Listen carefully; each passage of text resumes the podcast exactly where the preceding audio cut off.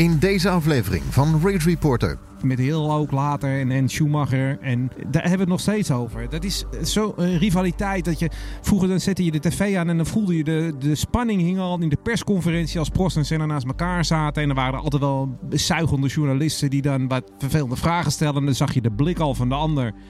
Dat, die tijden die wil je gewoon terugzien. En wat je dan ziet, ja, dit is de apotheose van de WK-strijd die er op dit moment gaande is. Kijk, uh, Max Verstappen, we hadden natuurlijk op zaterdag al laten zien. Uh, toen versloeg hij Hamilton bij de start. En op dat moment uh, was Hamilton gewoon gezien in die sprintrace.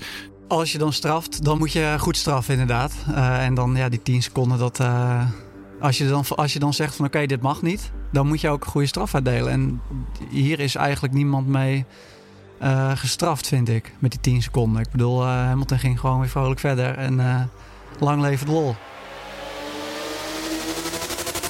Welkom bij Race Reporter, de Formule 1 podcast. Met een nabeschouwing op de gisteren vrede Grand Prix van Groot-Brittannië op Silverstone. Waarbij we de hoop hadden op een wederom een overwinning van Max Verstappen in het hol van de leeuw. De eerste ronde zaten we op het puntje van de stoel. Het leek een spannende race te worden voor Verstappen. Tot de zware crash met Hamilton. Bijzondere noot, Max Verstappen scoorde toch punten zonder maar één ronde uit te weten te rijden. Namelijk uh, zaterdag drie punten tijdens de sprintrace. Dat is een keer eerder gebeurd tijdens de Grand Prix van Monaco in 96. Toen finishten er maar drie rijders en toch kregen zes rijders punten. Max Verstappen viel voor de zesde keer in zijn Formule 1 carrière in de eerste ronde uit.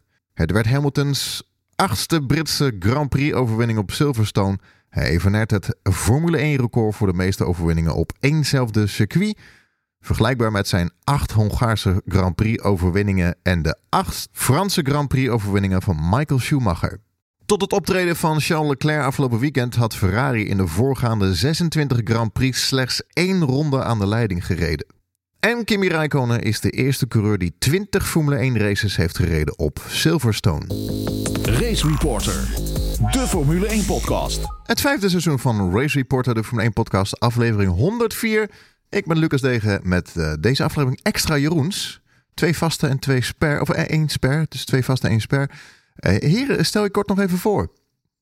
Ja, nou, ik ben dus Jeroen nummer 1, zoals het hoort. Uh, Jeroen Demmendaal. Uh, ik schrijf, uh, ik doe iets met communicatie en ik kijk ook naar Formule 1 races. En ik ben Jeroen Scholten en ik ben Jeroen nummer 2 vandaag. En ik kijk ook naar Formule 1 races en ik ben dan ook een grote liefhebber van deze sport. En mijn naam is Jeroen van Kesteren. Ik ben Jeroen nummer 3. ik ben Formule 1 liefhebber en ik doe een stukje marketing. Een stukje marketing, heel stukje goed. Marketing. Heel goed. In plaats van een stukje foto. Iedereen in de buurt van Schagen doet een stukje, hè? Een stukje, ja. Een, een klein stukje, maar van de puzzel. Ja. Oké. Okay. Terwijl het best wel een flink stuk rijden is. het is een heel stuk rijden, ja. Alles is ook ver vanuit Schagen. Ja. Waar gaan we het over hebben vandaag? Natuurlijk de crash, veel besproken vandaag uh, links en rechts op social media en op de WhatsApp. De straf, de zegen van Lewis, de afgang van Perez, de ondergesneeuwde glansrol van Charles Leclerc. Wat dit allemaal betekent voor het WK, de vooruitblik natuurlijk op de Grand Prix van Hongarije. De luisteraarsvragen die binnen zijn gekomen via Twitter. Dank daarvoor. Hoop te bespreken vandaag. Um, maar ik wil heel even nog terug naar zaterdag. Um, Jeroen Demmendaal, wat vond jij van de sprintrace uiteindelijk? Ik vond het uh, nou niet heel erg om over naar huis te schrijven. Um, het was een interessante uh, eerste ronde. Laten we het daar maar op houden. Dus uh, de, de, start van Alonso is interessant. En daarna was er een ja. hoop gewaaier van Alonso over dat rechte stuk op Hanger Straight. Uh, nou ja, Perez die schreef natuurlijk half zijn Red Bull af. Uh, maar verder was het, uh, ja, was het een beetje treintje rijden. Ik, ik, ik, ik was er niet zo heel erg lyrisch over, zoals met name het Britse journaal dat was. En Jeroen Scholten?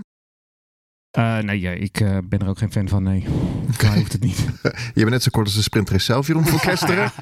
ja, nee, ik vind het ik vind eigenlijk ook niks. je moet er ook weer apart voor thuis blijven. Um, ik vind die opbouw zoals die is, vind ik gewoon vind ik gewoon top, zeg maar. Dat je op vrijdag begint het al een beetje, op zaterdag de kwalificatie en op zondag de race.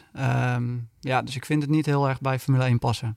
Maar je, weet, maar je weet ook dat het gewoon wel gaat blijven natuurlijk. Want ik bedoel, ik hoorde op zaterdag hoorde ik al mensen van Liberty en van de FIA roepen over van ja, we hadden drie keer zoveel televisiekijkers op vrijdag als normaal. Dus weet je, we weten, wij weten ook allemaal de ratings uh, die bepalen, het geld bepaalt in, uh, in de Formule 1. Um, ja. En de vrienden van Liberty die willen dit gewoon hebben. En dan zeggen ze nu nog dat het een, uh, een testje is, een pilot gedurende drie races. Maar ik, ik maak me niet zo heel veel illusies. Ik denk dat we dit vaker gaan zien. Nou ja, ik vind vooral ook wat, wat Jeroen zegt. Hè. Die zegt het past er niet echt bij. Dat vind ik dus eigenlijk ook. Je, het is een soort van gadget. Je, je kan ook een reverse grid bedenken, weet je. Dan zeggen mensen, ja, is leuk? Ja, is ook leuk. Ja, je kan ook uh, uh, aan Hans Theo vragen of je de troonreden gaat schrijven. Is ook leuk. Maar uiteindelijk past het gewoon niet. Dit is de koningsklasse van de autosport. Dat is het, ja. En, en dit soort gadgets, dat horen daar voor mij gewoon, hoort dat daar niet bij. En leuk vind ik geen argument. Nee, het is, het is absoluut een gimmick. Uh, dat ben ik helemaal met je eens. Um, maar het is wel zo, kijk, wat je wel nu ziet, is dat er een duidelijke scheidslijn is tussen de conservatieven. En ik denk dat wij dat dan zijn. Hè? De, de, de fans die heel erg gehecht zijn aan het oude, aan de het bestaande format. Want ik ben het daar helemaal mee eens. Ik hou ook van die opbouw. Uh, maar ik sprak uh, eerder dit weekend ook uh, iemand ook die fulltime werkte in de Formule 1. En die zei van ik ben zo blij dat ze een keer wat nieuws proberen. Ja. Want om nou weer op een zaterdag een derde vrije training te, te, moeten verslaan. hij zei van voor mij hoeft het niet. Ik vind dit prima. Dus ja, weet je, er zijn mensen die wel gewoon uh, openstaan voor deze ideeën. Uh, en die, die het, die het wel een, een geslaagd experiment vonden. En wat ik als laatste nog even toe wil voegen, is dat ik het fundamenteel verkeerd vind om de startgrid niet te bepalen aan de hand van de kwalificatie. En ik hoorde Ross Braun zeggen, wij, wij zitten met dit sprintformat niet te rommelen aan het DNA van de Formule 1, maar dat is wel zo. Want we hadden altijd twee verschillende disciplines. Op zaterdag kwalificeer je en dat gaat over één snelle ronde. En op zondag gaan we racen. Nu maak je van alles een race. En de kwalificatie is veredeld tot een soort van pre-kwalificatie eigenlijk. Een, een, soort van voorronde voor de kwalificatie. ja, een soort training. Ja, of, ja. En alle statistieken ook over polls en zo, die kan allemaal het raam uitgooien. Want we gaan nu ineens heel wat anders doen waarvoor je andere eigenschappen vereist hebt. Dus nou ja, maar goed, ik bedoel, eh, dat, dat, dat schreef ik al op Twitter vrijdagavond. Ik bedoel, wat mij betreft heeft eh, Lewis Hamilton gewoon zijn, uh, zijn, zijn 101ste pole position gegeven vrijdagavond. Um, en, en de Formule 1, ik, ik hou mijn eigen statistieken wel bij dan. Uh, dat dan maar zo. Ja, ja ik, wil, wat, ik ben het 100% met je eens. Ik bedoel, volgens de boeken krijgt Max Verstappen nu een extra pole position bijgeschreven. Ja, sorry, ja. nee. Het was trouwens ook wel grappig op, volgens de boeken. Ik heb heel veel websites bekeken vandaag. Maar er stond heel veel achter bij Max nul punten. Terwijl hij wel punten heeft gescoord. Dus zelfs de, de systemen van bepaalde websites zijn dan nog niet eens opgebouwd. Uh, dat ook, ja. Ja, maar goed. Ja. Uh, de race gaan we dan naar kijken. We hebben trouwens hiermee de vraag ook beantwoord van Chris. Uh, wat wij van de uh, sprintrace vonden. Dankjewel voor de vraag, Chris. De race. Ik zat echt de eerste ronde op een puntje van mijn stoel. Ik denk, yes, daar gaan we. Jeroen Demmer, wat vond je van de, van de agressiviteit van Max? En wat vond je van de eerste ronde? Tot de crash? Nou ja, kijk, het, het mooiste is natuurlijk toen jullie allemaal op een puntje van je stoel zaten, was ik uh, druk bezig met mijn neefjes aan het oh, ja. spelen. Dus ik keek het pas uren later. Ja. Uh, ik kreeg wel door via via van, oh, er is drama. Ik denk, oh god. De, nou, en, toen, en toen zei ik nog tegen mijn vriendin, ik zeg, weet je wat ik denk wat er gebeurd is? Ik denk dat Max en Hamilton met elkaar uh, in de clinch geraakt zijn. Dat is er waarschijnlijk gebeurd. Nou, en zo geschieden. Um, ik vond die eerste ronde echt waanzinnig. Echt geweldig. Dus we zaten zo dicht bovenop elkaar. Um, ik weet niet, op tot, wat, hoe heet dat korte rechte stukje na die eerste paar bochten? Uh, dat heet, is dat de Hamilton Straight? Nee, Hamilton Straight ja, is, is het rechte stuk. Hamilton Straight is uh, bij de Wellington, de Wellington Straight, denk ik. Ja, um, en, en, en, en de, daar was Hamilton er al voorbij, hè, Wellington Straight. En vervolgens remde uh, Max super laat uh, te, bij het ingaan van Brooklands en Lovefield. En ik dacht, ja, dit is mooi, dit is mooi, dit is mooi. En vervolgens richting Kops en wat je dan ziet, ja, dit is de apotheose van de WK-strijd die er op dit moment gaande is. Kijk, uh, Max Verstappen, we hadden natuurlijk op zaterdag al laten zien. Uh, toen versloeg hij Hamilton bij de start. En op dat moment uh, was Hamilton gewoon gezien in die sprintrace. Dus ik snap Hamilton wel dat hij denkt van ja, maar ik ga het toch gewoon nog een keer proberen, vriend.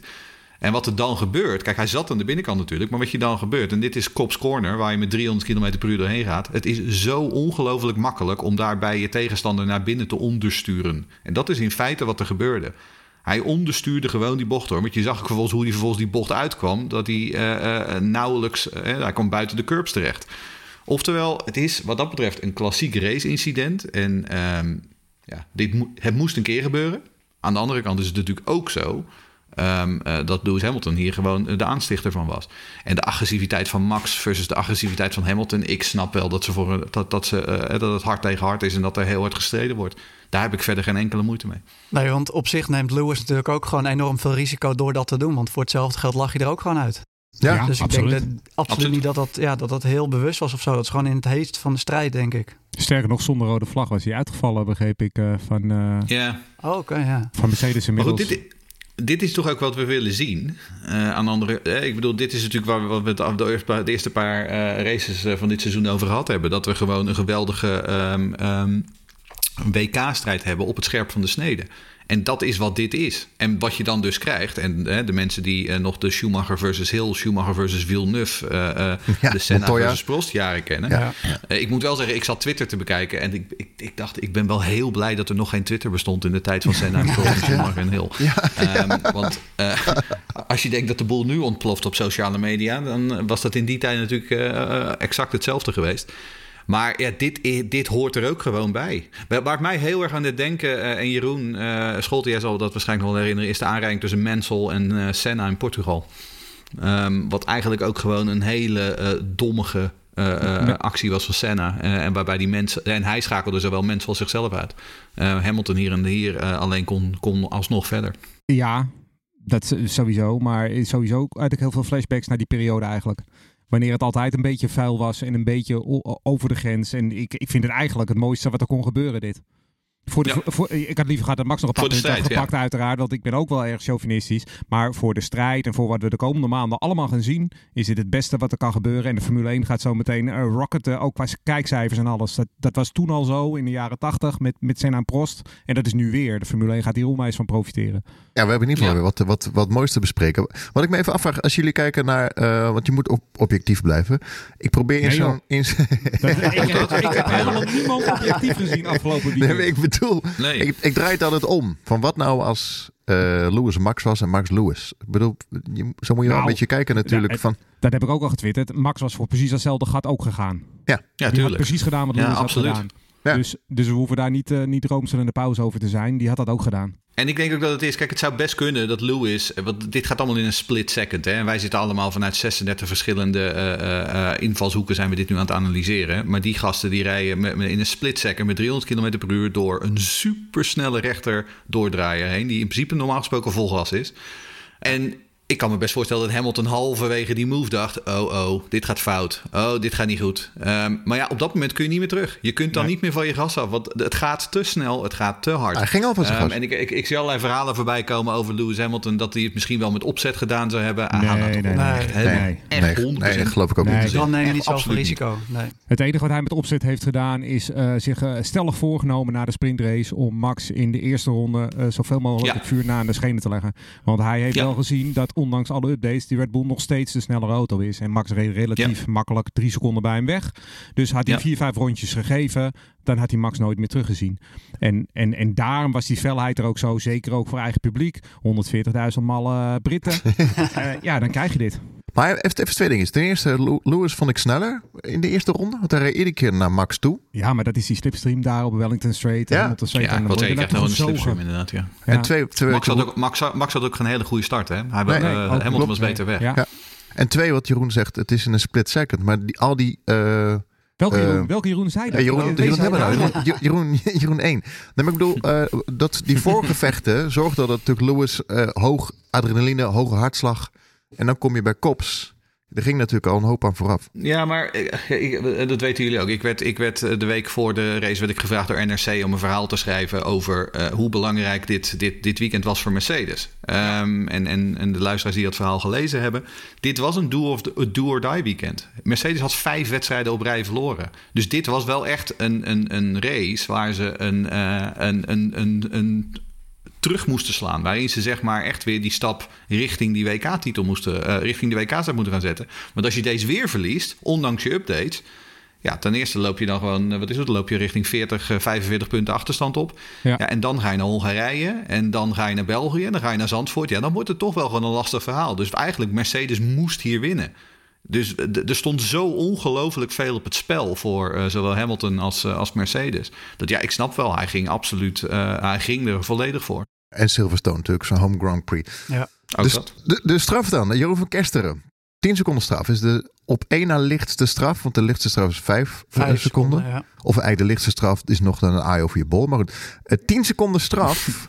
Reprimande. Ehm, ja, er zijn natuurlijk heel veel discussies over geweest. Want, want er zijn heel veel oude crashes ook mee Ja. vergeleken. Ja. Kimi Räikkönen, Vettel. Ehm, wat ik nog één ding wou zeggen is trouwens, we hebben deze crash ook gehad nog tussen Grosjean en Sainz volgens mij. Ja, die zag ik ook, die Maar belden. goed, maar goed, dat is ook weer een ander Vielen verhaal. allebei uit hè, toen. Ja, ja, ook een klopt. significant verschil. hè. Wat vond je van de straf? Als je dan straft, dan moet je goed straffen inderdaad. Eh, en dan ja, die 10 seconden, dat, eh, Als je dan, als je dan zegt van oké, dit mag niet, dan moet je ook een goede straf uitdelen. En hier is eigenlijk niemand mee uh, gestraft, vind ik, met die 10 seconden. Ik bedoel, uh, Hamilton ging gewoon weer vrolijk verder en ja. uh, lang leven de lol. Nee, ik probeer het aan een leken uit te leggen. Van iemand die tikt de kampioenschapsleider en de leider op moment in de wedstrijd van de baan. En wint daarna nog de race. Dat is bijna niet uit te leggen. Ja, maar je kan natuurlijk niet zeggen van wat er na een incident gebeurt, dat wordt zwaarder bestraft. Omdat er iets daarna gebeurt. Ja, maar, had, hij, gewoon... had hij stop en go moeten hebben? Nee, ik vind dat, hij, dat het een race-incident is. Uh, dus ik vind dat hij helemaal geen straf had uh, moeten hebben. ook geen 10 seconden. Ja, ik, ik vind het ook een race-incident, dat ben ik met hem eens. Uh, wel waarbij uh, Hamilton wat meer schuld heeft dan Verstappen. En omdat er eentje in de vangrail hangt en het een high-speed corner is waar wel ook veiligheidsissues mee te maken hebben, vind ik. Uh, en ook op basis van wat de stewards de laatste paar weken hebben gedaan, je kon er niet onderuit om, om Hamilton een straf te geven, vind ik. Dus voor mij mag het zonder straffen, maar dan had je vorige week ook niet moeten straffen en al die andere keren. Uh, ik kan heel goed leven met 10 seconden. Dat uiteindelijk Mercedes wint. Ja, dat komt omdat Mercedes zo verschrikkelijk goed is. Uh, maar dat is geen factor in de strafmaat. Want anders moet je zo meteen. Kijk, bij, bijvoorbeeld bij kritstraffen. Kijk, je kan, dan is een gridstraf voor Max Verstappen is veel erger dan een gridstraf voor Mick Schumacher. Maar toch, ja, ja, ja. Dat, ja, die dat, dat is nou eenmaal zo, weet je. Uh, dat ze het voordeel hebben. Normaal gesproken heb je voordeel van een goede auto. Soms heb je een nadeel ervan. Ja. Maar ja, uh, dit is wat het is. Ik vond een goede straf. Ik vond hem iets zwaarder dan wat Norris deed bij Perez, omdat het een hogere snelheidsbocht is. En uh, toen had het 5 seconden, nu is het 10 seconden. Dus ja, ik heb er vrede mee. Jeroen Demmena, wat vond je van de reactie van Toto Wolff en Christian Horner naar de wedstrijd? Ja, ik vond heel, ga heel gaaf dat ze dat uh, lieten horen trouwens. Tijdens die rode vlag situatie was natuurlijk ook een uitge uh, uitgesproken moment daarvoor. Uh, omdat natuurlijk toch de hele wedstrijd stil ligt. Maar ik vond heel goed dat Liberty die radio um, conversaties tussen Horner, Wolf en, en Mazi liet, liet, liet horen.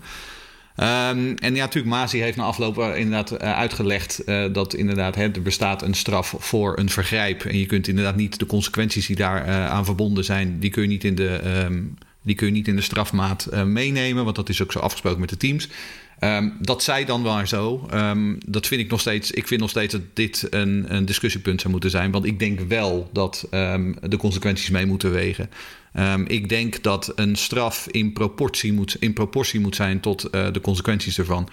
Um, en als Mazepin en Latifi aan het, aan het, straffen, aan het strijden zijn om plek 17 en uh, die rijden elkaar van de baan af, ja, dan is dat wat anders dan wanneer um, de WK-leider door zijn naaste belager van de baan wordt gereden uh, en vervolgens fluitend alsnog naar de overwinning rijdt.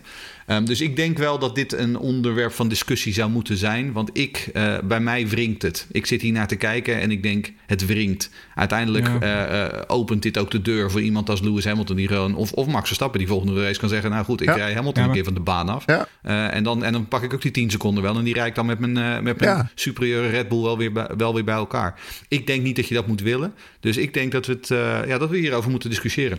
Maar dan heb ik wel een vraag voor je nu. Want jij hebt het net ja? over als Latifi en Maaspin op plek 17 rijden, dat snap ik. Maar wat als om plek 10 strijden? Want dat is voor hun eigenlijk een wereldkampioenschap. Dat is één punt, dat is miljoenen waard voor hun teams. Ja. En wat als die dan om één... En dan gaat er eentje af en de andere rijdt door. We, we, ja. Hebben we dan een andere strafmaat dan wanneer ze om plek 17 nee. rijden? Nee, nee. Maar ik maar denk, ik denk dat als je een paar hele... Ik denk dat als je een paar slimme koppen bij elkaar zet, dan kun je hier een formule voor uitwerken. Ik denk dat dat, dat moet. We, we, kunnen niet zeggen van ja, maar dan kun je daar zo niet. Ja, tuurlijk kan dat wel. Als je gewoon drie dagen. Als je, als je een paar knappe koppen drie dagen lang met elkaar opsluit in een conference room. Dan komen ze hieruit hoor. Echt. Dan komen ze met een, met een voorstel. Waar um, wat denk ik meer eerlijk overkomt. Want ik denk dat um, de straf aan zich. Ja, ik ben het met je eens. Um, het, het, het, het is een straf. Want ja, het was een race-incident. Maar voor 80% veroorzaakt door Lewis Hamilton. Dus ik denk wel dat Lewis Hamilton degene is die de penalty um, verdient hier. Maar uiteindelijk, uh, per saldo, uh, heeft Lewis er geen enkele pijn van. En dat is natuurlijk wel gewoon. De, ik vind dat een issue. Ja, ik, ik, ik ben het daar fundamenteel eigenlijk ook wel weer mee oneens, moet ik eerlijk zeggen. Want dat komt nu ook omdat de Mercedes nu zo goed is. En, en Max zou het in de Red Bull waarschijnlijk ook kunnen met die 10 seconden straf alsnog winnen. Maar als volgend jaar het veld hele andere verhoudingen heeft, dan, dan geldt er ineens voor hele andere normen. En dan is er hetzelfde ongeluk tussen Verstappen en Hamilton ineens weer wat minder waard. Ik zou daar moeite mee hebben. Dat vind ik niet uit te leggen. Aan de andere kant begrijp ik wel de emoties hoor erachter. Want Max verliest hier alles. Want hè, dit gaat nog veel verder dan alleen maar deze crash en deze punten. Want je kan later nog gridstraffen krijgen voor kloten, wissels en al dat soort dingen. Hè, we hebben het over de budget cap. 750 Ja, 750.000 eh, dollar volgens Drie eh kwart miljoen Marko. naar de kloten. En dat, eh, hè, een budgetcap hebben we allemaal. Dat is allemaal ontwikkelingsgeld dat er weer afgaat. Dus het, de, de, de gevolgen zijn verstrekkend. Maar eh, dat zijn ook de gevolgen van deelnemen aan autosport. Helder, hebben we nu alles besproken? De crash, de straf? Nee. Nee. We hebben nog een vraag met de van Sander eh, Wolbert. Stel, jullie zaten allen bij de racedirectie van de FIA. Zouden jullie de reglementen aangescherpt hebben na het incident van gisteren en strenger gaan straffen? Met het risico dat we in de toekomst naar 20 ideale schoonzonen kijken die brave rondjes achter elkaar aan gaan rijden. Eh nou, hebben we net al een klein beetje besproken eigenlijk. Ja. Eh, ja, ik ben het er wel mee eens. Eh, Jeroen is het, kijkt er iets anders naar. Gevoelsmatig is het ook heel lastig te, te, te accepteren dat iemand die schuldig wordt bevonden aan een ongeval, zijn enige rivaal het ziekenhuis inrijdt en dan gewoon vervolgens kan winnen en, en, en kan feestvieren ook nog eens heel uitbundig, wat natuurlijk allemaal extra zout in de wonden strooit. Ehm, maar ja, ik, ik, ja, we hebben het net eigenlijk al gezegd. Ik ben het hier wel mee eens. Ik kan me hier eigenlijk rationeel gezien wel goed in vinden. Nou ja, we, we hadden het hier ook over naar Oostenrijk. Hè? Want ik bedoel, toen kreeg Yuki Tsunoda, die kreeg twee keer vijf eh, eh, seconden omdat hij over een wit lijntje reed. Eh, en na afloop bleken zowel Latifi en Mazepin 30 seconden te krijgen omdat ze een paar blauwe vlaggen. eh, ge- eh, de, dus dan, dan, is de, dan is schijnbaar is het, het negeren van blauwe vlaggen is zes keer zo erg als het negeren als het over een wit lijntje heen rijden. Ik weet je, de, sowieso ook in het huidige regelwerk snap ik soms de logica niet helemaal hoor. Dus ik denk, daarom mijn eerdere eh, punt, ik denk dat dit wel rijp is voor wat verse discussie en wat een paar verse ogen om hier eens naar te kijken hoe we dit aanpakken. Verse discussies kan nooit kwaad. Eens, daar, daar zijn we voor. Eh, Sven van- een vraag binnengekregen van Sven Brandsma. Eh, Sven die vraagt: Wat mij betreft zagen we gisteren een strijd van twee titanen die beide dezelfde keuze hadden gemaakt als je in elkaar schoenen zou staan. Dus gewoon een race-incident. Misschien was het gedrag van Lewis na de race niet helemaal gepast. Wat vinden jullie ervan? Ja, we hebben het er al eh, best wel wat over gehad. Ehm, ja, ik, ik heb gewoon een fantastische, fantastische battle gezien. En dit is inderdaad wat je vroeger ook zag, volgens mij. Dit willen we gewoon zien. Eh, dat er inderdaad de straf uitgedeeld wordt, kan de FIA niet omheen. Eh, ik denk dat Max het ook had gedaan andersom. Eh, ze nemen ultiem veel risico. Want voor hetzelfde geld hadden ze er allebei afgelegen. Wat, wat vond je van het juichen, overdreven juichen van Lewis? Ja, kijk, dat hoort ook een beetje bij de, bij de emotie van de sport, denk ik. En het is echt niet zo dat daar, dat daar honderden, duizenden mensen zitten die, eh, die Max Verstappen de boarding in willen hebben, zeg maar. Niet om, een- of om het ziekenhuis in te hebben, maar Zeker niet op Silverstone. Dat nou, zijn echt, dat, is, sport. dat is echt een autosportland Ja, inderdaad, eh, Engeland. Dus dat geloof ik niet. En dat je dan juicht als uit reactie, zeg maar. Eh, ja, dat begrijp ik helemaal. En je zag ook dat ze daarna wel geschokt waren dat hij in de boarding hing. Ja, nou, en, ik, en er was natuurlijk ook heel veel commentaar op het, eh, het vieren van de overwinning door Lewis Hamilton na afloop. Ehm, Wat mij betreft volslagen overtrokken reacties. Ehm, Ja. Lewis Hamilton heeft net zijn thuis Grand Prix gewonnen. Ehm, als, als Max Verstappen in Zandvoort zijn thuis Grand Prix wint en nadat hij Hamilton eh, de boarding in heeft gereden, Ja. dan doet hij exact hetzelfde. En hij wist dat ik alles vond ook het, oké Ik was. vond het allemaal nog wel meevallen. Ja, en dat is ook het verhaal. Ja, Ja. wist hij dat hij in het ziekenhuis lag? Ja, waarom vraagt hij niet of hij in het ziekenhuis lag? Ja, hou, nou, hou het erop, jongens. Eh, Die, die, eh, die man is zijn eigen race aan het rijden. Die heeft net zijn thuis Grand Prix gewonnen. Ehm, er stond, zo, waar, waar we het net al over hadden, er stond heel veel druk op. Er, zat, er hing heel veel vanaf. Dus ik kan me helemaal voorstellen dat die jongen in zijn euforie eh, even met een vlag richting de fans loopt. Ik vind prima. Mwah, ik, ik zie het iets anders. Ik zie het vooral heel provocatief. Want ik heb ook het idee dat Hamilton altijd met mind games Ja. bezig is. En dit Ja. maakt daar Ja. onderdeel van uit. En eh, daarom deed hij het ook zo eh, heel erg uitbundig. Eh, daarbij vond, had ik ook wel wat moeite mee dat hij geen enkel, op geen enkele manier zelf verantwoording neemt voor deze crash. Terwijl de FIA hem toch duidelijk heeft aangewezen als crash. Ja. Zijn team staat er weer volledig achter. Toto Wolff die, die, die oreert vandaag nog eens dat, hij, hè, dat dat geen reden is om geen feest te vieren als Verstappen crasht. Ja, weet je, ik, het is één groot, heel, heel groot spel. En eh, op dat moment was Max inderdaad nog in het ziekenhuis aanwezig.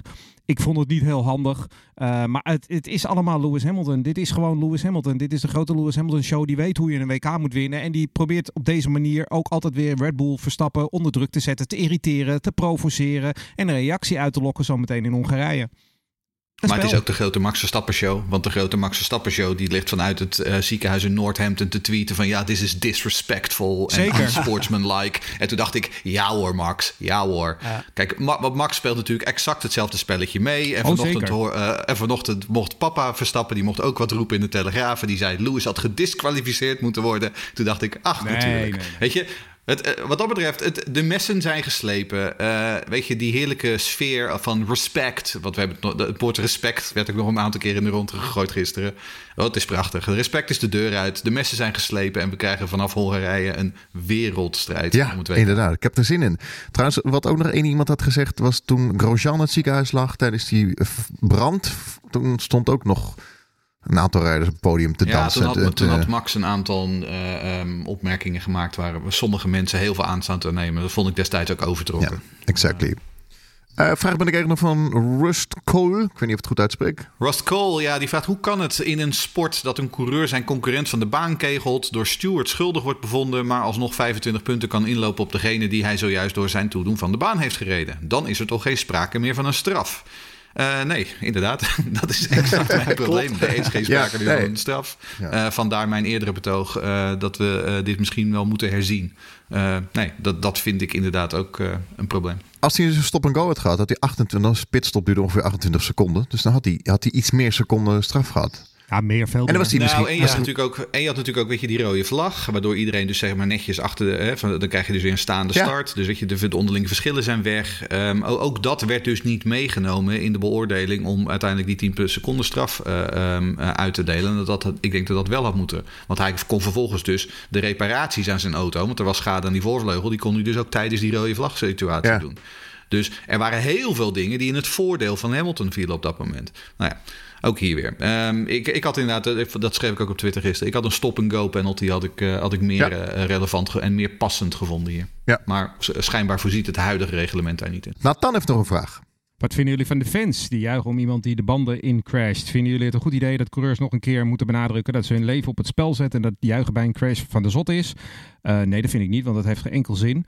Uh, het enige wat ik ervan vond is dat. Uh, ik zat natuurlijk twee weken geleden in Oostenrijk. Daar spinde op een gegeven moment Hamilton van de baan in de vrije training. Stelde niet veel voor. Al die Nederlanders gingen juichen. En toen kregen we allemaal reacties op Twitter ja. van. Jezus, doen die Nederlanders allemaal weer. Toen zei ik altijd: doen alle fans. Nou, het is niet alleen juichen, het is ook. Oh. Nee, ik weet nog, ja. in, de, in, de, jaren, uh, vroege jaren 90 of eind jaren 80. Toen op een gegeven moment Senna crashte op Monza.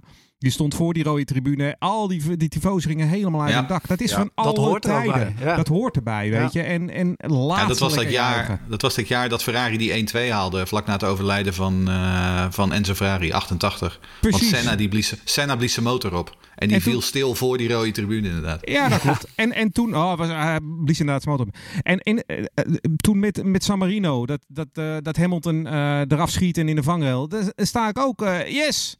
Weet je, het, ja. het, is gewoon een normale natuurlijke reactie. En je dat... bent chauvinistisch, je bent voor je landgenoot en de ander gaat eraf en je en, denkt... En ja, dat betekent absoluut niet dat je iemand het ziekenhuis Nee, dat doet toch niemand? Zegt, ja. Nee, nee. Dat, dat, is ook. Nou ja, er zijn, er zijn altijd een paar idioten op de sociale media ja. die daadwerkelijk inderdaad hopen dat iemand het ziekenhuis eindigt. Maar ja. weet je, dat soort mensen die hebben gewoon een steekje los uh, uh, en die horen, dat zijn geen fans.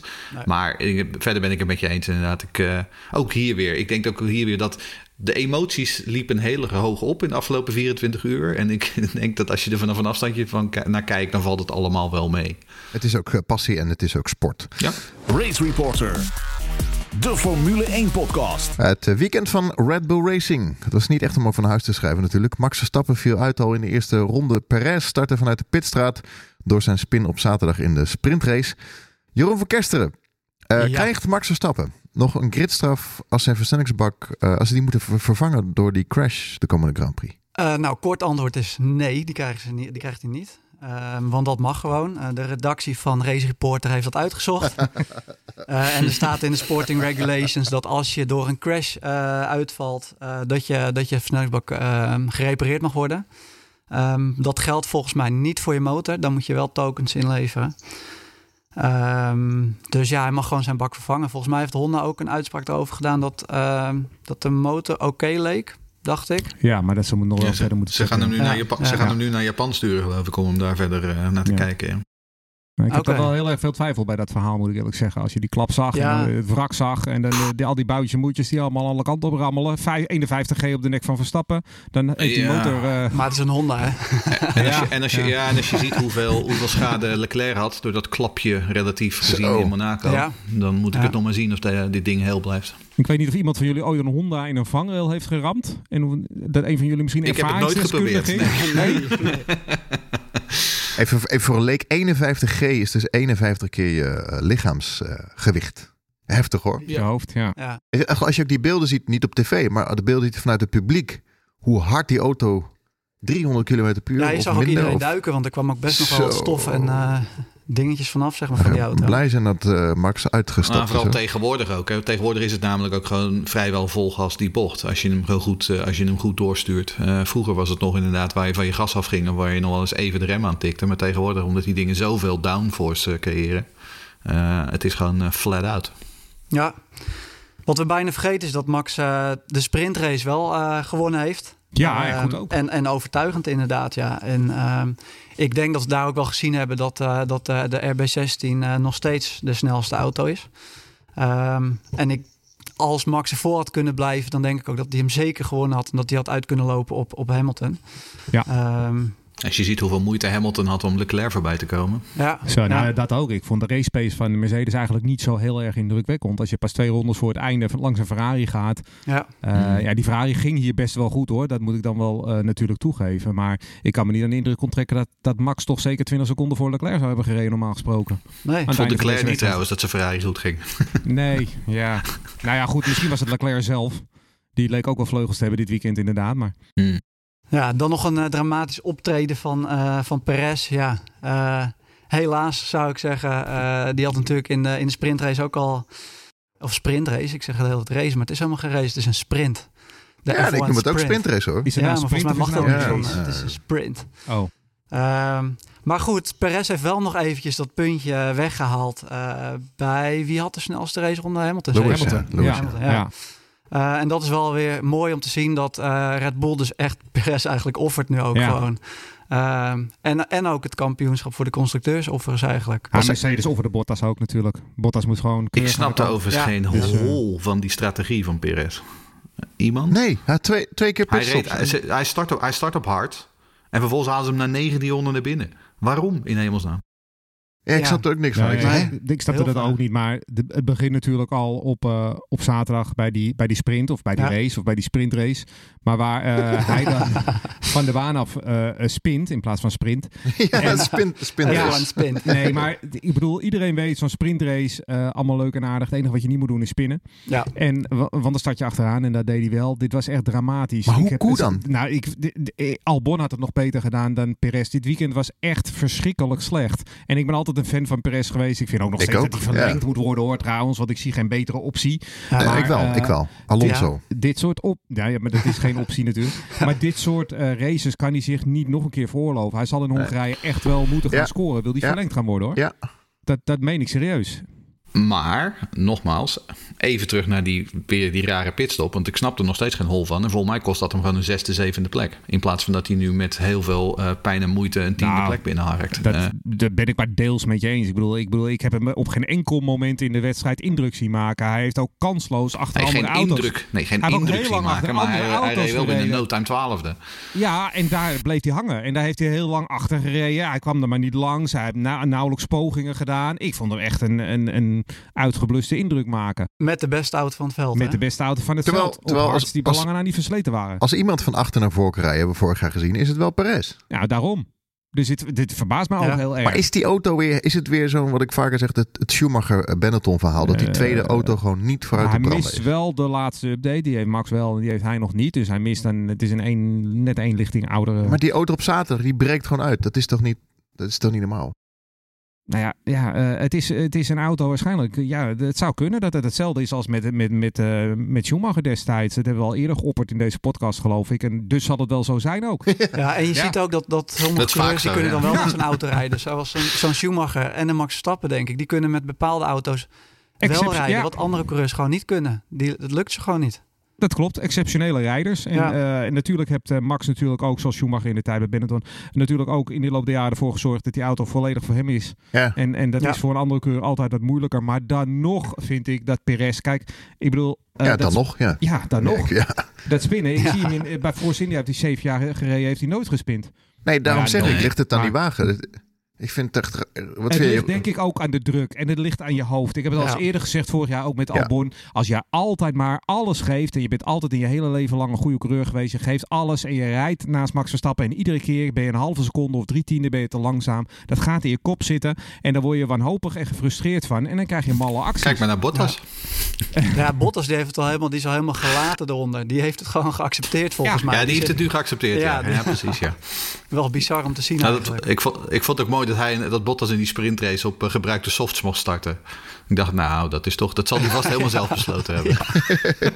Ja, En dan krijg je ook echt over de boordradio team order. maar die spin in, eh, de, spin in, die spin in de sprintrace van eh Perez, die was natuurlijk eh, in retrospect natuurlijk ontzettend duur. Hè? Want daar, Ja. nu Verstappen weg was, had Perez natuurlijk wel moeten scoren op het podium moeten staan. Ja. En ja, Ja. dat is natuurlijk helemaal Ja. kansloos geweest. Ja. en daarom dus ook maar geofferd.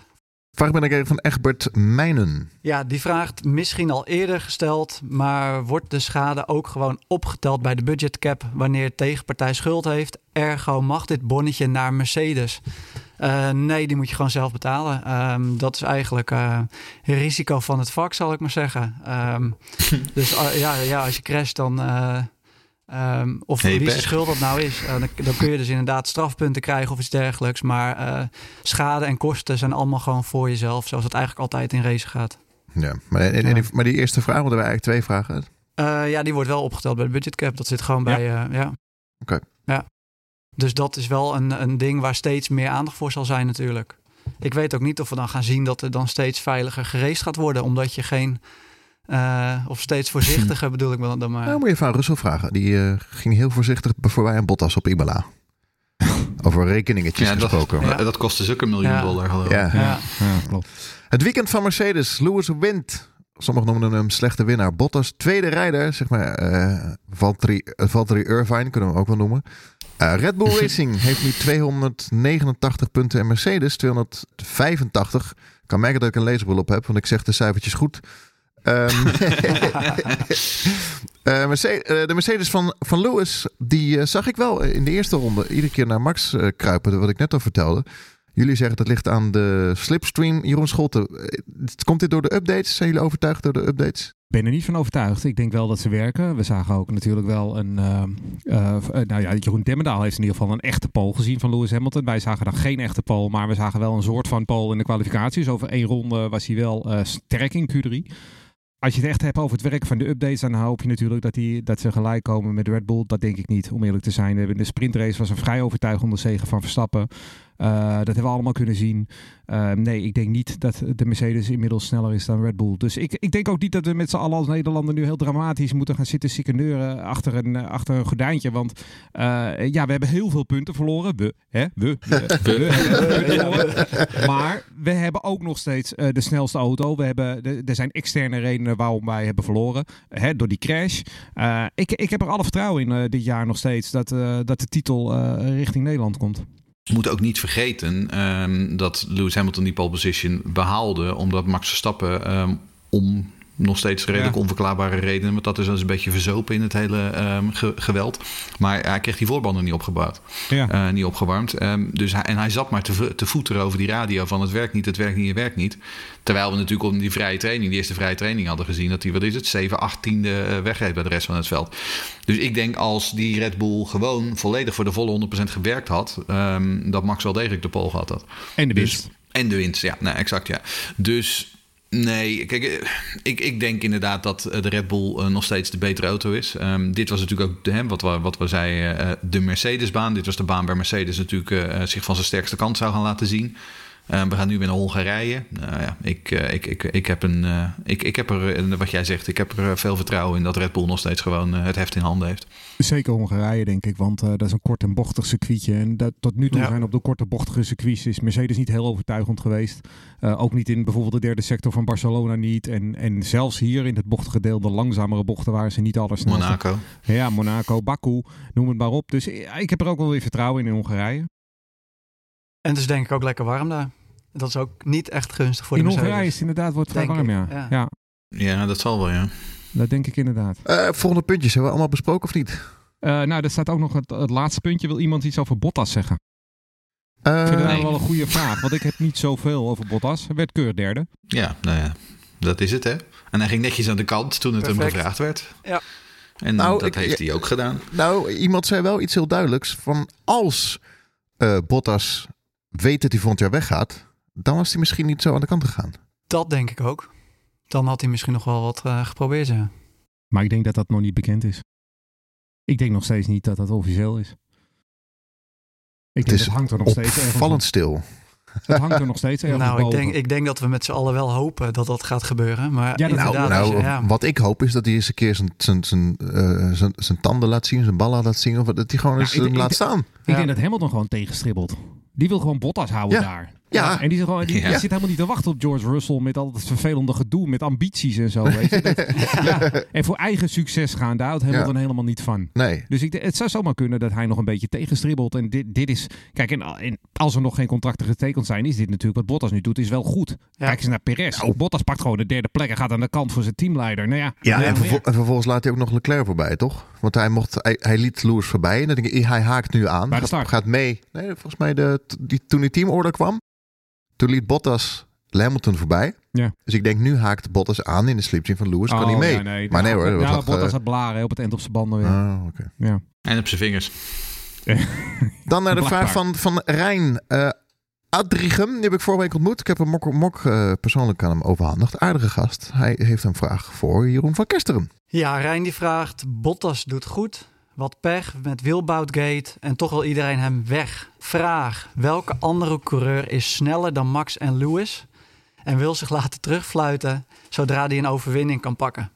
Nou, ik denk de eerste vraag is, eh, welke coureur is sneller dan Max en Lewis? Eh, die zijn er op dit moment niet. Eh, en wie wil zich laten terugfluiten? Ja, daar zijn er denk ik wel een paar die dat zouden willen. Maar ehm, ik denk Perez, die zit al bij Red Bull.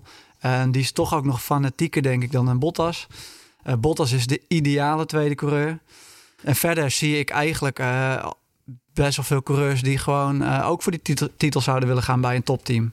Ehm, ja, wat zijn, wat zijn nog coureurs die een tweede Nou ja, plek ja, zouden... ja, ik vind hem. Ja, ik jij vind, vindt Alonso... eh, nee, nee, nee, nee, nee. Ik vind, ik vind serieus. Nee, Alonso gaat dat nooit. Maar ik vind serieus Eddie Irvine nog steeds de beste tweede is coureur. oud, hè? Nee, nee, weet ik hoe. maar ik bedoel zijn instelling. Die had gewoon, ja, ik pak mijn centen. Ik weet toch dat ik naast Schumacher nooit die kans ga krijgen of whatever. Terwijl hij dat wel een keer kreeg toen Schumacher in het ziekenhuis lag met een gebroken been. Ja. Maar die, die nam gewoon zijn verlies. Ja, ik, ik ben wel tweede rijder. Kom er maar voorbij. Nou, maar de, Bottas is gewoon een goede tweede rijder. Een goede wingman. Alleen, eh Toto Wolff moet u de afweging maken. Wat is mij meer waard? Bottas nog een jaartje aanhouden als Ja. wingman naast Hamilton? Ja. Of, eh, eh, maar dan neem ik waarschijnlijk definitief afscheid van George Russell. Hè, want Red Bull loopt Ja. wel een beetje daar te stoken de Ja, boel. ja, ja goed hè. Of neem ik dat risico niet en zet ik nu George Russell ernaast. Maar dan de hele dynamiek binnen het team gaat dan veranderen. En dan moeten we maar zien hoe dat volgend jaar allemaal gaat. Ja, dat is de keus. Ja, maar een goede tweede rijder, ik zie hem inderdaad op dit moment ook niet. Of je, of je leent Russell uit. Dat is het enige. Dat is de enige. ehm, wat destijds Ocon werd natuurlijk ook uitgeleend eh, eh, aan, een, eh, aan, aan, aan Renault. Hè? Ondanks dat hij nog bij Mercedes onder contract stond. Ja, maar de Dus- plekken zijn natuurlijk schaars. Het is moeilijk om. eh, Ja. Het is denk ik heel moeilijk om Russell bij een goed team dan. eh, kijk, de, de Red Ja. Bull heeft Ja, natuurlijk dat Alfa is. Dat is een vrij goed team om in te, in te rijden. Maar ja, ik, voor de rest zie ik dat niet echt. Wa- waarom ik het zei, eh, Alonso, omdat ik Alonso dit weekend echt heel erg sterk vond. En dus beter dan een Perez. Dus toen dacht ik op een gegeven moment van, hé, waarom zit niet Alonso daarnaast? Maar dat gaat nooit gebeuren, want het is een eigenwijze in een team. Ja, maar eh, Alonso is ook geen tweede rijder. nee, daarom. daarom. Die, die, die- die wil je niet hebben daar. Nee, maar hij, heeft het namelijk zelf gezegd van, ik sluit niet uit dat ik niet het tweede stoeltje nou, ik sluit het wel uit. ja. Dat hij Ik ook. gaat rijden. Ja, en die willen ze ook helemaal niet betalen. Nee, want Alonso klopt. betaalt de hoofdprijs voor. Hè? Ja, Ja, ja. klopt. Race Reporter, de Formule 1 podcast. Gevecht in het middenveld. Het blijft spannend. We hadden de vorige keer eh, eigenlijk al besloten dat McLaren het derde team is. Maar Ferrari komt toch goed terug. Eh, Leclerc tweede, Sainz zesde. Norris 4 en Ricciardo is, eh, is weer, eh, heeft, heeft weer eh, de smaak te pakken. Die werd vijfde. Ehm, wel een vraagje, want ik vraag mij ineens af, Jeroen Demmerdaal, waar komt de snelheid van Ferrari ineens vandaan? Nou, ik denk dat je je vooral af moet vragen waar de snelheid van ehm, eh, Leclerc vandaan komt. Want ik denk namelijk dat de zesde plaats van Sainz veel representatiever is voor het snelheidsniveau van Ferrari dan de tweede plek van Leclerc.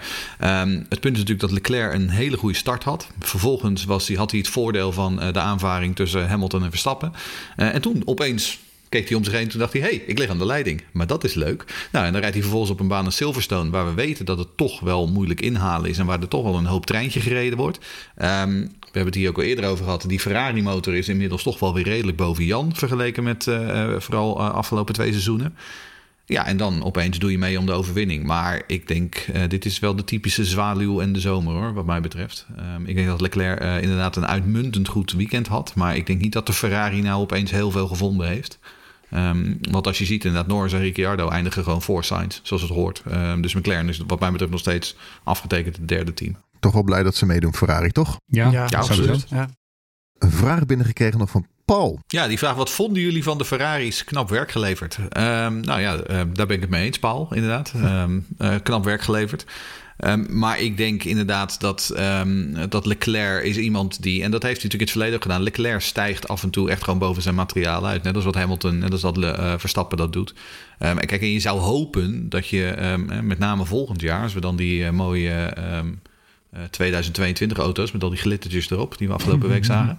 Uh, als we die krijgen, dat het dan gewoon weer een gevecht tussen drie mannen kan worden. Zodat, je, uh, zodat Leclerc ook daadwerkelijk mee kan doen om de wereldtitel. Want uh, qua rijderstalent is hij absoluut daartoe in staat om, Ja. om Verstappen en Hamilton het hoofd te bieden, denk ik. Ik moet, ik moet ineens denken aan eh, Senna, Mansell, Schumacher. Die jaren. Senna, Prost, Ja. Piquet. Um, uh, toen je ook nog, uh, hoe heet die, um, toen je Berger nog had. Uh, Ik zie Jeroen Scholten krijgt het helemaal warm. Die, die, die herinnering. Ik zie hem, hij bloeit op. Piquet, Piquet dat was uh, Jeroens grote, grote favoriet. Ach, vreselijke man. Maar hij heeft wel een aardige dochter, geloof ik. Ja, leuk. Maar, maar uh, nee, ja, die jaren waren goed natuurlijk. Maar ik, de, deze generatie is niet minder dan die generatie, hoor. Ik, nee, maar ik bedoel, wat Jeroen, van het vroeger. En wat Jeroen Demmerda zegt, een strijd met drie rijders, dat zou gewoon wel leuk zijn. Maar Ja, je had in nou die absoluut. late jaren Ja. 80, begin jaren 90, zowel Ferrari als Williams als McLaren, Ja. die allemaal mee konden. En af en Ja. toe op een, hè, voor de dagprijs deed Benetton ook gewoon goed mee. Volgend jaar. En dat, moet- dat moet je nu hopen. Dat inderdaad bijvoorbeeld Norris hè, met die McLaren, dat Ja. McLaren volgend jaar ook nog een stapje maakt. Dat Norris zich Ja, er ook eh, vaker in kan gaan mengen. Eh, die nu overigens wel gewoon derde in het kampioenschap staat, hè, Norris. Eh, door, door Perez een off-day ehm, staat hij nu gewoon derde.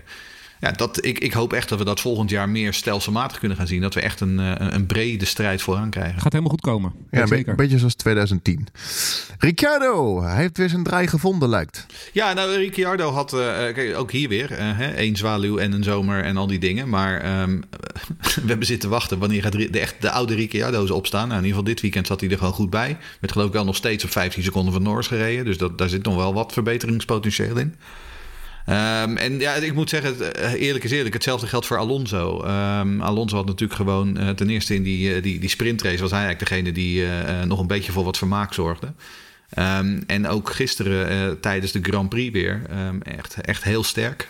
Um, en uh, finisht uiteindelijk P7. Um, dus ja, die, die harkt ook de punten net bij, netjes bij elkaar. Nou, beide openingsrondes waren heel goed. Hè? Van die sprintrace als van Mm. zijn uh, normale race. Was echt heel, heel scherp was hij daar.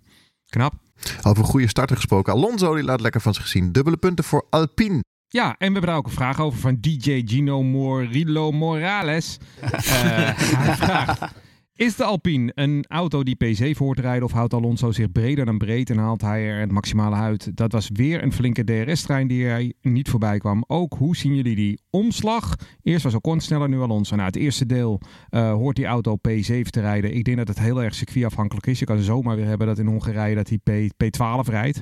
Um, of Alonso uh, zich breder dan breed houdt en het maximale eruit haalt. Nou, het maximale zeker, want uh, zevende is gewoon, is gewoon goed. Want daar zit achter de McLaren's, achter de Ferraris en achter uh, twee Mercedes'en. Dus dan heb je het gewoon heel goed gedaan. Hoger kan je niet eindigen. Um, ja, inderdaad, flinke DRS-trein die er niet voorbij kwam. Nou ja, goed, dat heeft ook wel te maken met de huidige eh, formule die we hebben. Ik denk dat dat volgend jaar niet meer zo makkelijk te doen is. Ook niet voor Alonso.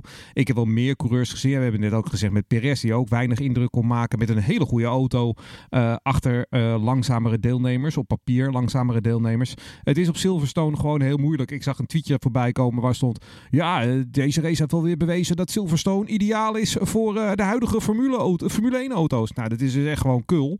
Want eh, Silverstone is een fantastische baan, maar voor de huidige Formule 1 auto's is het ook gewoon heel lastig inhalen hier. Ehm, dus dat geloof ik ook niet zo. En ja, de omslag tussen Ocon en Alonso. eh, ja, ja, goed. eh, ik moet eerlijk bekennen dat Alonso op dit moment gewoon de betere is van de twee. Ik vind wel dat Ocon ten opzichte van vorig jaar, waarin hij heel zwak reed, beter is geworden. In Oostenrijk was hij twee keer slecht. Gisteren was hij weer gewoon goed, ook in de punten geëindigd. Iets langzamer dan Alonso, maar eh, ook Ocon zal wel eens een goede races gaan rijden. Daar ben ik van overtuigd. En eh, ik vind het Alpine eh, op zich eh, ehm, het, het redelijk voor elkaar heeft. In het begin van het seizoen vond ik ze heel zwak. En eh, ze lijken nu eh, wel eh, de, de, de- de, weg omhoog te vinden. En ze moeten eigenlijk wel dit seizoen boven Alfa Tauri kunnen eindigen met dit team. Nou, dat op zijn minst. Want ik bedoel, ze staan nu gewoon zeven in het kampioenschap. Moet ook en dat wel, is natuurlijk voor wel, een ja. fabrieksteam gewoon niet goed genoeg. Ehm, dus ja, er moeten inderdaad wel een paar plekjes bij, wat mij betreft. Ehm, over Alfa Tauri gesproken. wel gewoon onze grote vriend Tsunoda weer eens een punt. Ja, mooi toch? Ja, is hartstikke leuk. Ehm, en, nog een, en nog een waterput voor, eh, voor eh, de, de kindjes in Gambia, geloof ik. Stolletje. Met dank aan Lens. Ja, Ja. een goede race moet ik zeggen. God, die Vettel. wedstrijd. Die Vettel. daar, daar, zat ik, me- daar zat ik me weer echt over te Jeetje, dan, ja. Heb je, dan heb je die plek en dan vervolgens Ja. dan, dan pleur je het gewoon weg op die manier. Daar ben ik wel echt een, een beetje niet helemaal goed van. De tribunes zijn helemaal opgeruimd. Ja, ik zag het. Ja, Ja, dat wel. Dat wel, hè? Dat, fantastisch. Dat zie je hem dan weer wel. Ja, dat zie je ja. hem wel. Wat is dat? Is dat dan een soort van media-offensief of zo? Ik kan me echt Ja, niet nee, voorstellen dat je kijk, letterlijk Vettel heeft inmiddels ook wel door natuurlijk. Vettel wordt al nu al maanden afgeschilderd als... eh oh, het is zo'n goede jongen. Dus ja, Ja. weet je, ik bedoel bij Aston Martin... eh, hè, Aston Martin, hoofd PR, is die, die man die vorig jaar ehm, de W-series deed. Ehm Matt Bishop. Matt Bishop, en Matt Bishop ja. is een PR, bij- is een PR-genie. Dus Ja. die, die maakt hier heel goed gebruik van. Eh, dat doet hij heel Seb, slim. di- dit is een Eh, maar het is wel mooi dat Vettel inderdaad community service doet... zonder dat hij community Ik wou net service doet. zeggen, hij doet het wel. Hij had ook kunnen zeggen, nee, ga ik niet doen. Ik ben niet gek. Maar hij, hij Ja, deed exact, wel. ja, precies. Ja. Ja. Ik vind het wel tof voor van hem. Geweldige fan trouwens met Bishop. Als je hem niet volgt op Twitter moet je dat wel doen. ja, ja. Ik hoorde afgelopen, afgelopen weekend dat Vettel regel- regelmatig in Renesse Zeeland te vinden is. Wisten Oh, ja. jullie dat? Nee, Wie? Ja. Vettel? Ja, serieus. Waarom dan? brommetje. Ja. Hij zit vaak in, eh, in Zeeland. Ja? Zit- Is ik nog, nou, Nieuw-Zeeland zeker? Nee, Zeeland, Renesse. Renesse gewoon. Lachen toch? Ah, leuk toch? Laten we een keertje daar een podcast Maar met op Vettel. op zijn Zomer, zomer in Zeeland eh, met Vettel. Rondjes rijden op zijn krijtler Nou, misschien dat hij daar ook de prullenbakken ligt en zo. Oh, dat kan ook, ja. Dat die stranden daar eh schoon ja. Goeie jongen. Ja, Marco Kolk heeft nog een vraag. Ja, waar was Gasly dit weekend? Normaal kan hij wel mee in de top 10, maar nu net niet. Ehm, ja, waar was Gasly? Eh, ik vind het ook vooral ehm, eigenlijk heel Alfa Tauri teleurstellend. Als je Hmm. kijkt hoe goed de Red Bull wel niet gaat. Ehm, Ze hebben toch ja, dezelfde motor. Het is een B-team van Red Bull. Eh, en allebei kunnen ze eigenlijk niet echt indruk maken. Ook Tsunoda vind ik tegenvallen. Ehm zonde. Ja, ik blijf erbij dat, dat Red Bull er toch ook aan gelegen is dat, dat zij goed gaan om eh, Ja. Mercedes aan te, aan te... Ja, er, zit zij- nu, er zit nu ook niks in de pijplijn wat je mee kan nemen of zo naar een Red Bull qua coureurs. Die wil je niet weer terug hebben bij, eh, bij Red Bull. Eh, nou, ik zou, op dit moment zou ik Gasly zo inruilen voor Perez. Ja? Maar dat ben ik persoonlijk. Maar eh, nee, maar ze maken wel een hele andere auto, hè? Want ze hebben wel dezelfde motor Ja. inderdaad en eh versnellingsbak. Maar de Alfa Tauri is totaal geen Red Bull-achtige auto. Nee, maar je ziet vaak hebben wel dat ze gemaakt. dichterbij zitten. En ja, het is zeker toen. Max erin reed natuurlijk. Maar ja, dat is dan misschien weer een ander. Maar net als we, we hadden net over Alpine, die dan nu een hele goede race hebben. En Alfa Tauri heeft gewoon een wat mindere race. Maar dat is bij die te- Aston Martin is Mm. ook zo'n team. Die hebben, dat kan heel erg per circuit verschillen. Dat zie je Ja. voorin ook wel hoor. Met Ferrari bijvoorbeeld, dat de Monaco goed was en hier goed was. En andere races. Het is heel Ja. erg grillig. per- en dat is juist de kracht van Red Bull. Die is continu. hè. Ieder circuit tot nu toe is hij heel sterk. Knallen. Ja. Achterhoede de duels gaan we het dan over hebben. Heeft iemand opgelet? Eh, ik niet echt. Ja. ja. Nee, ik heb de tv uitgezet. Ik heb namelijk een dingetje over Russell en over slecht starten. Dus nou ja, het, wa- het was weer zover. Nou ja, eh, Russell inderdaad eh, naar Q3, maar in de race nergens. Ehm, ja, Q3 in de eh, niet-kwalificatie of zo. En hij werd Ja, volgens mij negende in de sprint. Ja. En daar kreeg hij geen punt voor. Of geen punten. En hij reed dus wel op punten koers, zeg maar, maar dan in de sprint. Zonde. Helaas is het toch weer, eh, toch weer pech. Eh, maar ik denk dat hij het wel in zich heeft. Ik denk ook wel dat hij eh, op een punt zit dat er een keer wat... ehm, ja, dat een team hem moet gaan oppakken of iets dergelijks. Want ik denk niet dat hij heel lang bij Williams zou willen blijven rijden. Maar... En de kritstraf hier.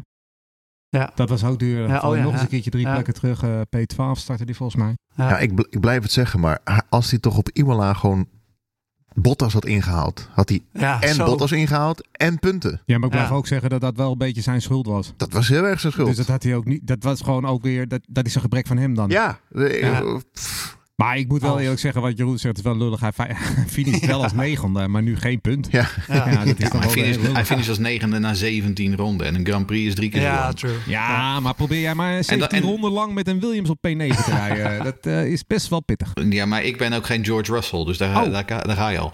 Maar Ah. het punt is gewoon dat in de, eh, op de lange adem is die, is die Williams gewoon te zwak. Ik denk dat dat gewoon het onderliggende probleem is. En over een rondje, eh, eh, dat, dat, dat Russell een kwalificatiekanon is, dat weten we inmiddels wel. Maar eh, vervolgens moet hij dat 52 ronden lang doen. Ja, en dan eh, heeft dat ding geeft dat ding gewoon gezoegen. Nee. Eh, dan hebben we Alfa Romeo, die verbindt zich langer aan Sauber. Want zo, ja, dat is eigenlijk nog steeds het team achter, achter de naam. Verder een onzichtbare race gereden. Ja, ik weet niet, volgens mij voor één jaartje nu dat ze zich weer verbinden aan, eh, aan Sauber. Ehm, Nee, multi-year. Multi, deal. multi- Ja, maar ze bekijken het per jaar. Dat, dat, dat las ja. ik er wel Ja, bij. Ja, ik had ook zoiets van, oké, ja, dat Ja. is eigenlijk een jaarcontract en dan ieder jaar nog een keer kijken. Maar ze, ze blijven langer, want ze hebben sinds kort 1 miljoen volgers op Instagram. Dus ja, om dan ja, dan te- moet, je, om- dan moet je blijven. Ja, tuurlijk. Ja. Ja, toch. 1 miljoen? Ja, Zo. We zouden Ja. wel een keer de race reporter, eh, race reporter kan zich ook verbinden aan Sauber. De race reporter Ja. Formule 1 team. Dat Ja, zou wel ik- goed ik- zijn. ja, ik vind ook zo'n onzichtbaar, ons- onzichtbaar eh, Lastig. team ja. en een onzichtbare tweede Ik vind rijder. ook geen reet aan aan het team. Nee, Ik vind echt Alfa Romeo hoeven eigenlijk, die kunnen gewoon de rest van het seizoen in deze podcast niet meer behandelen. Ik vind Giovinazzi niks. Ik vind, Nee. eh, ik vind Nee. Kimi helemaal niks Kimi meer. ook niet meer. nee. Weg met het team. Is er wel een hele mooie achterkant trouwens, die auto. De mooiste moet- achterkant van het veld. Maar eh, voor de rest, weg ermee. Niet Dus- meer spreken. Ik weet, ik weet nog toen die livery voor het Ja. eerst kwam. Toen dacht ik van, nou, dit ziet er echt mooi uit. Maar goed, dat is inmiddels ook alweer drie, vier jaar geleden. Eh, en wat ik voor mij zeg het een paar podcasts geleden al. Ik denk iedere keer weer, oh ja, die doen ook nog mee. Als ik al voor een Ja, echt, hè? Ja.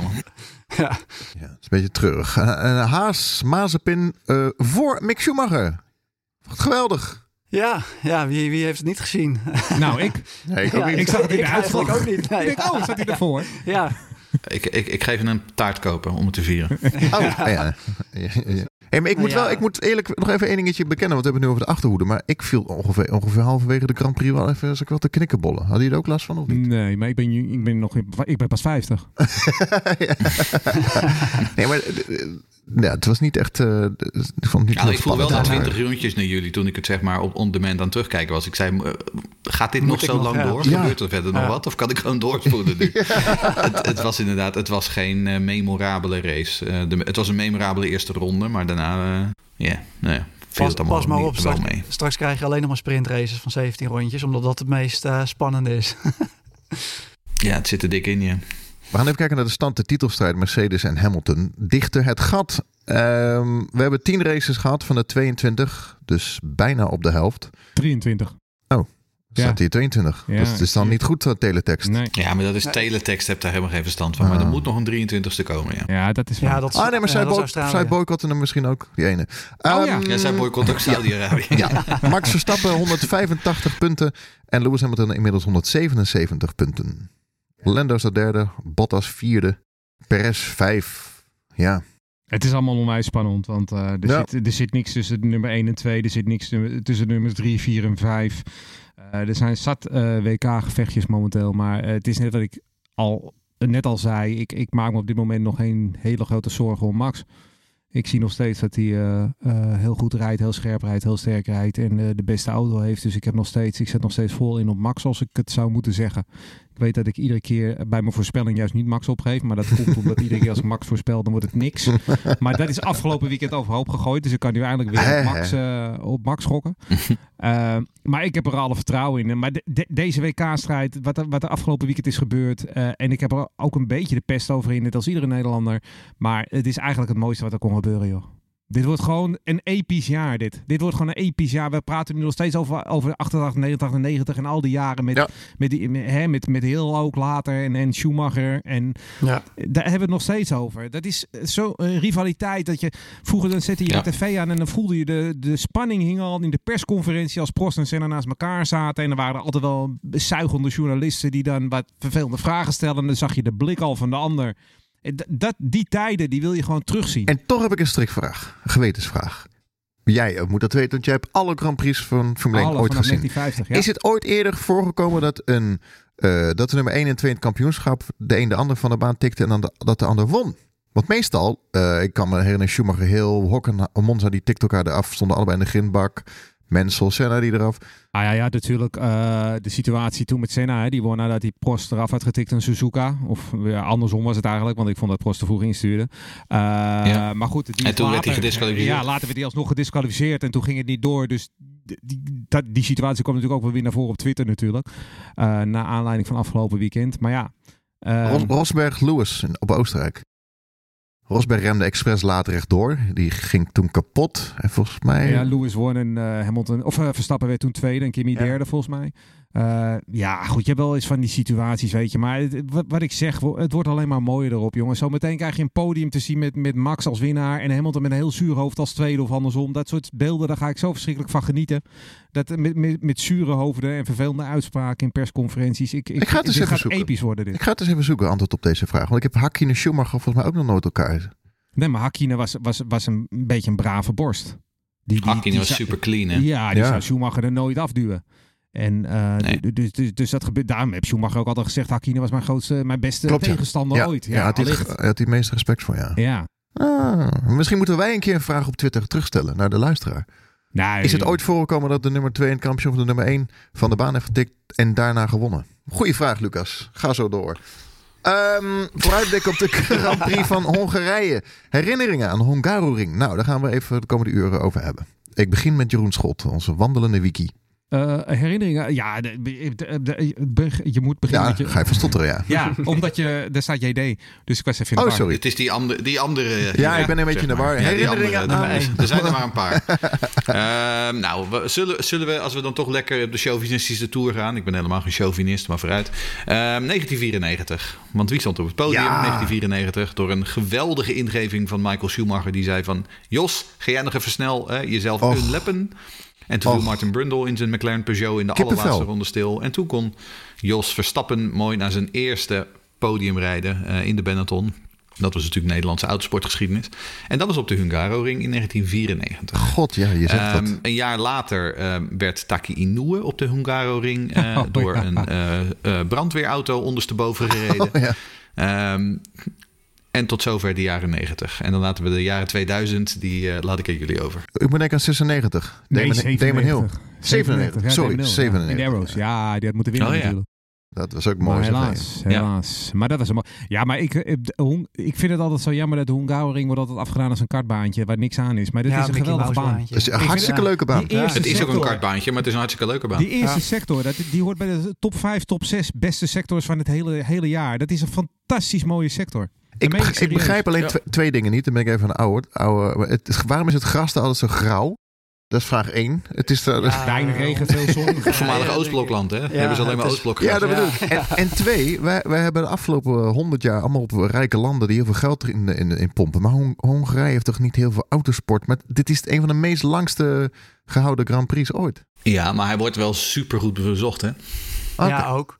En ik denk dat ze er wel veel geld voor over hebben Ja. om het te houden. Ze trekken ontzettend veel publiek ook uit eh, landen als Oostenrijk en Duitsland. Eh, dus ze verkopen ook ieder jaar echt gewoon stijf uit. Eh, en er kan een heleboel publiek rond die baan. Dus eh, financieel is het heel goed om Hm. die Grand Prix draaiende te houden, zeg maar. Want Volgens er mij al ook weer, 560.000 man rond die baan zit. Ook weer een Max Verstappen tribune volgens mij. Ja. Op, eh, Ja. Mm. Ja. Dus, Nu je het zegt, waarom gaan we, waarom gaan we daar niet de ene keer met z'n allen naar Hong- Ja, maar ik vind het prima als jij geld zat hebt. Nou, dat is goed.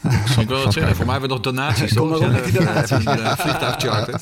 Jeroen van Kerstrik, praat er snel overheen. Herinneringen. Eh, ja, nou ja, eigenlijk vooral dat het, eh, dat het echt wel een Red Bull circuitje was altijd. En je Ja. hebt nu dit jaar niet echt meer Red Bull circuits. Eerste pol van Max. Ehm, ja. ja, inderdaad. Ja. ja, dat was mooi. Want dat was eh, op de dag dat Charles Jalving zijn vrijgezellenfeest had. Oh ja. Ja. Ja, ja, ja, ja, ja. Ja, dus toen hebben we ook heel veel andere dingen gezien. Maar we hebben ook die pole gezien. Dus eh, Ja, dat weet ik nog. Ja. Ja. ja. Ah. Ja. Moet Ik wel ben zeggen, benieuwd of Charles het nog weet eigenlijk. ik wil geen domp op de feestvreugde zetten, maar Hamilton heeft hij wel acht keer gewonnen. Hè? Acht keer, hè? Klopt, ja. Ja, ook op Silverstone. Ja, en dan had Ja. hij nu ook weer gewonnen. Ja. Ja. Toch bijzonder, want ik heb de statistieken niet voor me. Maar het staat wel bekend als een soort Red Bull baantje. Ja. Maar Ja, ik, ik heb ook wel het idee dat het, de Mercedes ervoor, ja, die was zo, natuurlijk sowieso superieur aan de andere auto's. En dat is nu niet meer het geval. Maar eh, de auto nu is ook niet zo allround als dat hij was. En hij heeft gewoon wel moeite met dat korte bochtige werk. En dat is, eh, ja, dat is hier natuurlijk wel. eh, Maar vorig jaar was toch die race Ja. waarbij Max Verstappen heel lang aan de kop reed en uiteindelijk in de slotfase nog bijgehaald werd door, eh, door 2019. Hamilton. 2019. Of was dat, alweer, was dat alweer twee jaar geleden? Ja, Ja. Ik, ik, ik word een oude man, al die jaren die smelten samen. ik heb nog wat andere herinneringen. Ehm, eh, Daniel Ricciardo, die werd door Max eh, van de baan getikt. Toen zei hij, eh, was it I think how it was? Yes, it was. Sore loser. Dat hebben we gehad. We hebben nog Kimi gehad die met Max in gevecht was. En dat Max stuurde in de braking zone. Dat was toch nog een dingetje. We hebben nog gehad een vering. Volgens mij was dat Felipe Massa. Was dat op deze manier? Die kreeg een veer op zijn helm. ja. En we hebben nog het mooie ge- moment gehad in de regen, volgens mij, dat of niet of op een droge, maar dat Alonso buitenom bij Schumacher eh, reed. We hebben hier mooie dingen gezien hoor. En niemand van jullie noemt Heikki Kovalainen. Enige Grand Prix zege ooit op Hongarije. Ongelooflijk. Ken Ja. je klassiekers? En ik weet nog, en toen zei, en toen zei. James Allen, dit wordt vast de, de eerste van velen. ja. ja. Ja, want Heikki Kovalainen begon eh, stormachtig aan zijn Formule 1 carrière. Ja. Dat Maar vergeten we nog wel eens. Die begon Ja, stormachtig, reed zelfs in de McLaren inderdaad. En won Ja. toen zijn race en het was allemaal... Ja, maar het is maar heel gek hoe, de- hoe die dingen lopen inderdaad. Net als Kevin Magnussen, die stond in zijn allereerste Grand Prix stond hij meteen op het podium in de McLaren. En toen dachten we allemaal... Nou, liep iets anders. Ik zit nog even te denken. Volgens mij waren het dat hoor, de herinneringen. Misschien Ja. kunnen we gaan voorspellen ook, zeg maar. Nee, we hebben nog een vraag gekregen van Motorsport Limited. Oh ja. Motorsport Limited. Eh, oh ja, die vraagt: wat betekent de crash, deze crash? Ik denk dat hij het dan over de crash tussen Hamilton en Verstappen heeft. Voor Hongarije. Gaat het daar dan vuur tegen vuur worden tussen Lewis en Max? Eh, ja, eh, want ze krijgen allebei een eh, draak, net als in Game of Thrones. En dan eh, mo- mogen ze met draken tegenover elkaar gaan eh, vechten. Eh dat wordt Ja.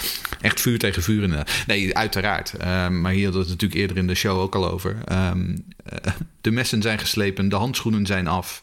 Ehm, de, de, de liefkozende woordjes weder, eh, wederzijds, die zijn voorbij. Ehm, het, gaat nu, eh, het gaat nu echt beginnen, jongens. Ik heb als gehoord dat eh, Max en Lewis de enige coureurs die het circuit niet verlaten en naast elkaar staan in een motorhome.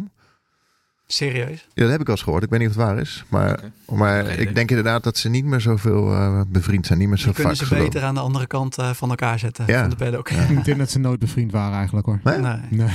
Ja, misschien is het wel een soort Donald Duck en eh, buurman Bolderbast, zeg maar. Dat ze de hele tijd zeg maar, eh rotzooi over elkaar schudden. Krijgen ze Nee. de rijdende rechter. Karakterologisch zijn die twee niet eh, geschikt eh, voor vrienden met elkaar te zijn. Nee, nee, Ik zat van de week eens te denken, wat, wat zou de Verstappen Commission gaan doen? Als dat Max Verstappen een Max Verstappen Commission zou oprichten, wat zou die dan zeg maar als doel eh, stellen? Ik kan me er echt helemaal geen enkele voorstelling bij Oeh. maken. Nee. Ja, wat zou die als goed doel hebben? Eh, Want Max Verstappen, De Max leeuw. Verstappen interesseert zich, inter- de, he- de hele wereld interesseert Max Verstappen namelijk helemaal niet. Het enige wat hem interesseert is racen. Volgens mij ook, ja. Hij heeft een nieuwe boot. Hij heeft interesse Oh ja. voor eh, sommige familieleden van de familie Piquet. Eh, Ja. hij, heeft, hij heeft een vliegtuig. Hij heeft een zus met een kledinglijn. Oh ja. Hij heeft een hele lieve Belgische moeder. Wat, heeft hij nog niet, ja. wat heeft hij nog niet waar hij dan een stichting voor moet opzetten? Nou ja, wie weet, ooit in de toekomst. Ik, de, de- ja, weet je, kijk, hij is ook 23, weet je. Iemand van Is ook zo, 23 is natuurlijk... Er zijn er maar heel weinig die dan helemaal eh, Hmm. heel erg met de wereld om zich heen bezig zijn. Zeker zo'n zo'n wonderboy natuurlijk.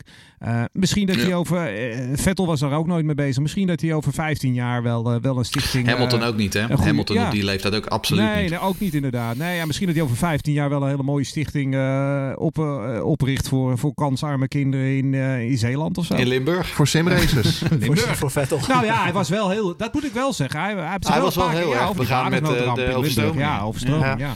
Dus daar is hij wel. meer, meer oranje. Meer oranje eh, ginger coureurs. Charles Jalving als special ambassador.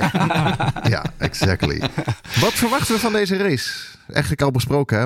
Eh, Max Ja. die gaat natuurlijk, eh, die gaat natuurlijk Nou, zijn tanden ja. laten zien. Maar wat verwachten we ervan? Vuurwerk. Oké. Vuurwerk, ja, maar ik, ik ben bang dat ik hem ga missen, want ik moet die dag weg. Maar ik, eh, ik hoop eh, wel dat jullie allemaal vuurwerk te zien krijgen, ja. Oké. Nou, voorspellingen dan maar.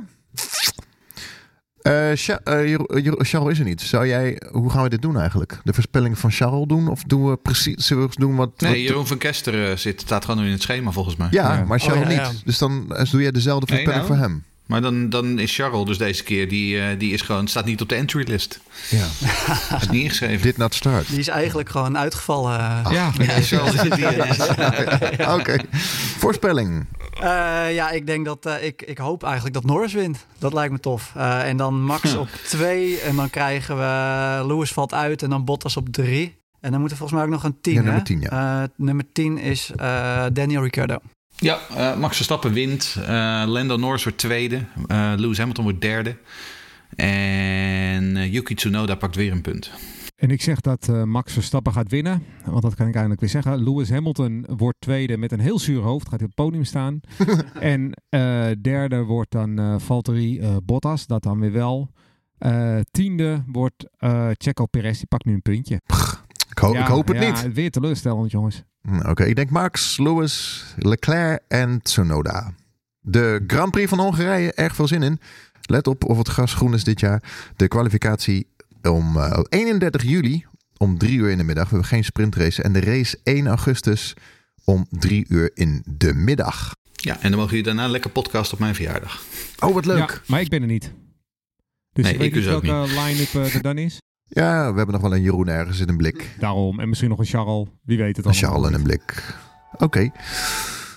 Race Reporter Formule 1 podcast wordt mede mogelijk gemaakt door een aantal donateurs en leden. Tot donateurs Pieter de Knecht, dankjewel. Jasper Heijmans, Ibo Duursma, F. Smits, Maarten Evertsen en leden Ewert Albrecht, Ronald Plas, Kevin Rijmert, Sven Brandsma, Pinda Silva, Frank Thewe, Maarten Evertsen, Rowdy Rabouw, Remco Zoon, Eddy, Chris, Niels en Karim. Ook nog een aantal super supporters. Annelies Bier bedankt, Daan Legrand, Harry de Groot en Misa Kommeren. Super bedankt. Zou je ze ook willen sponsoren, donen... Zou je ons ook willen helpen doneren? Dat kan via f1podcast.nl slash support. Kan via Petje Af of Tikkie. Dat is nog makkelijker. Ga naar f1podcast.nl slash support. Heren, dank jullie wel. Gedaan. Dankjewel Yes, Jeroen van Kesteren voor het invallen. Graag gedaan. Yes. Oké, Ja. groetjes. Hoi hoi. Hoi. Tjus. Hoi.